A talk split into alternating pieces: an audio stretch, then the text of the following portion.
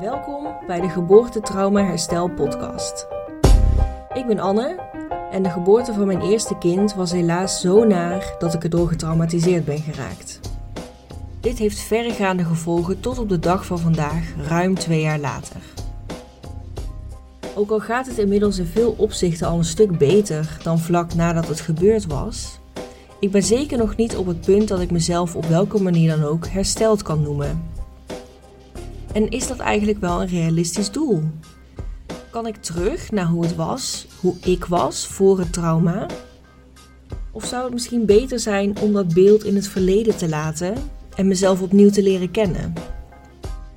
Als vrouw, met deze enorm heftige gebeurtenis nu voor altijd verankerd in haar levensverhaal, maar ook tegelijkertijd als jonge moeder.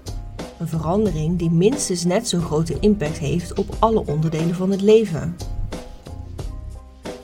In deze podcast ga ik je meenemen in de manieren waarop ik alles een plek probeer te geven, hoe ik weer plezier en vervulling ervaar en het allerbelangrijkste, hoe ik me weer echt mezelf ga voelen. Want ik heb me heel lang en soms nog steeds een schim gevoeld van de persoon die ik ooit was.